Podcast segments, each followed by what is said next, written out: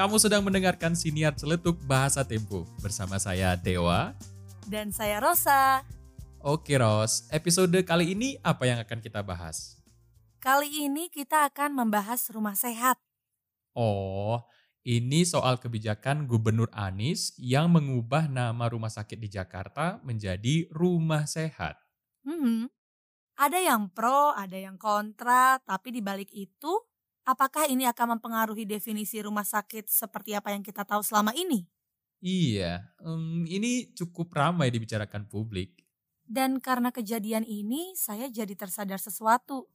Beberapa hari lalu, karena banyak tikus dan nyamuk yang muncul di rumah, ibu saya minta dibelikan racun tikus dan obat nyamuk. Lah, wajar kan? Lalu apa hubungannya dengan rumah sehat? Nah, apakah kamu pernah memikirkannya? Membunuh tikus kan diberi racun tikus. Tapi kenapa untuk membunuh nyamuk malah diberi obat? Seharusnya kalau diberi obat, nyamuk yang sakit jadi tambah sehat dong ya. Mungkin itu tujuannya ingin membohongi nyamuk. Kalau sudah tahu itu racun, nanti si nyamuk cepat kabur. Kalau begitu bohongnya jangan tanggung-tanggung dong. Sekalian saja ubah racun tikus jadi obat tikus biar tidak kabur. Woo. Memang terasa aneh kalau seandainya obat nyamuk diganti jadi racun nyamuk. Apalagi itu sudah sangat lazim. Kalau namanya diubah, nanti orang malah nggak paham. Tapi kalau sudah tahu salah kaprah, kok dibiarkan?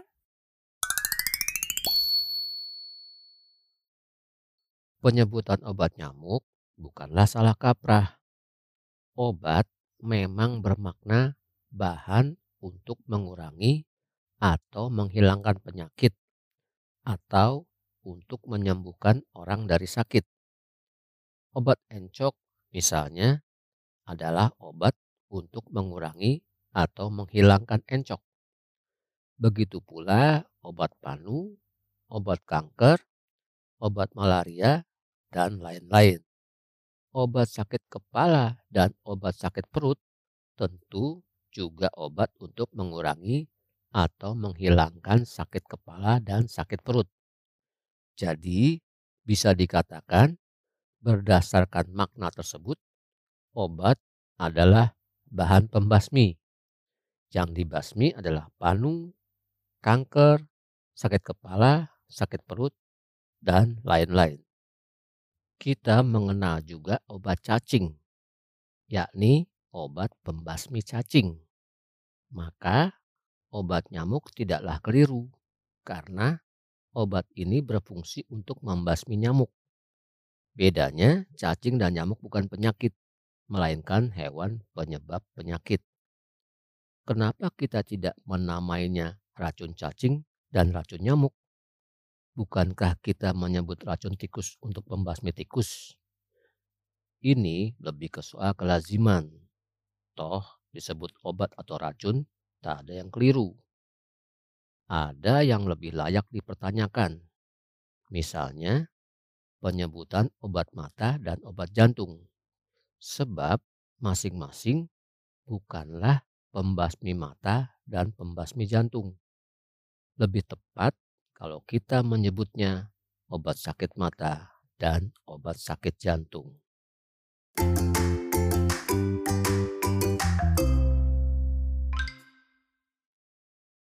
Tuh Ros, ternyata kitalah yang belum memahami makna kata obat itu sendiri.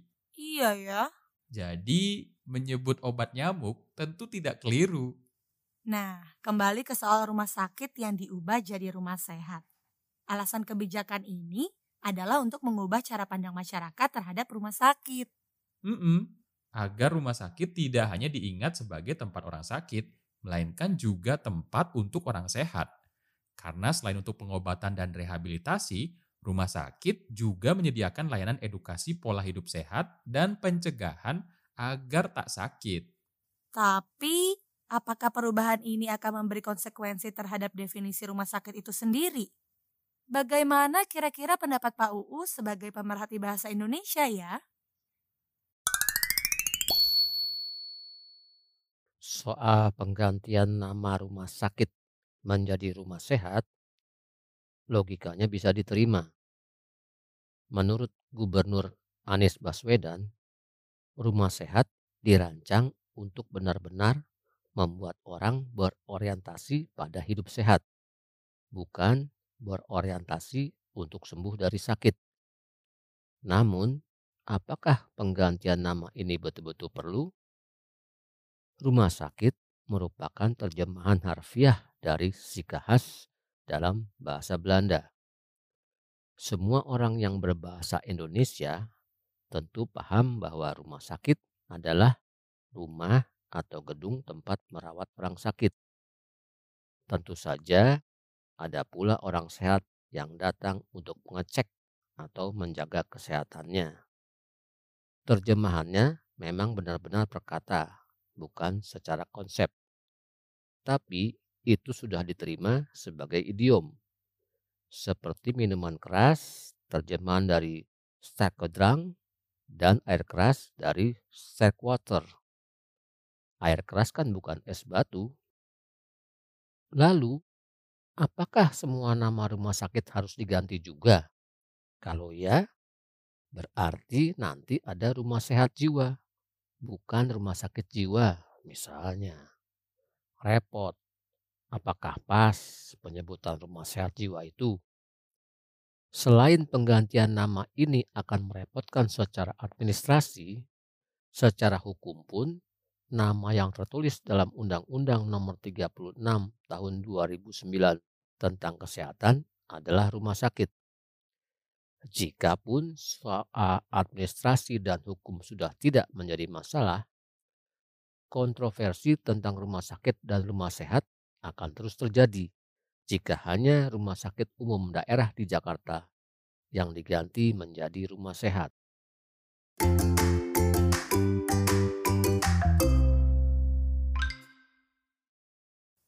Nah, semoga nanti tidak ada pembedaan layanan ya antara rumah sakit dan rumah sehat.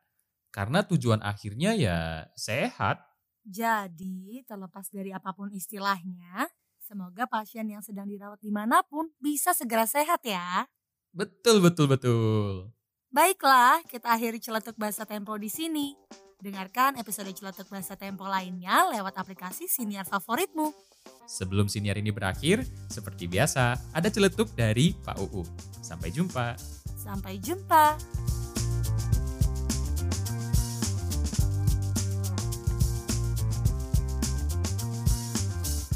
Sampai kapan pun tidak mungkin ada obat untuk menyembuhkan COVID-19. Yang mungkin ada adalah obat untuk menyembuhkan penderitanya.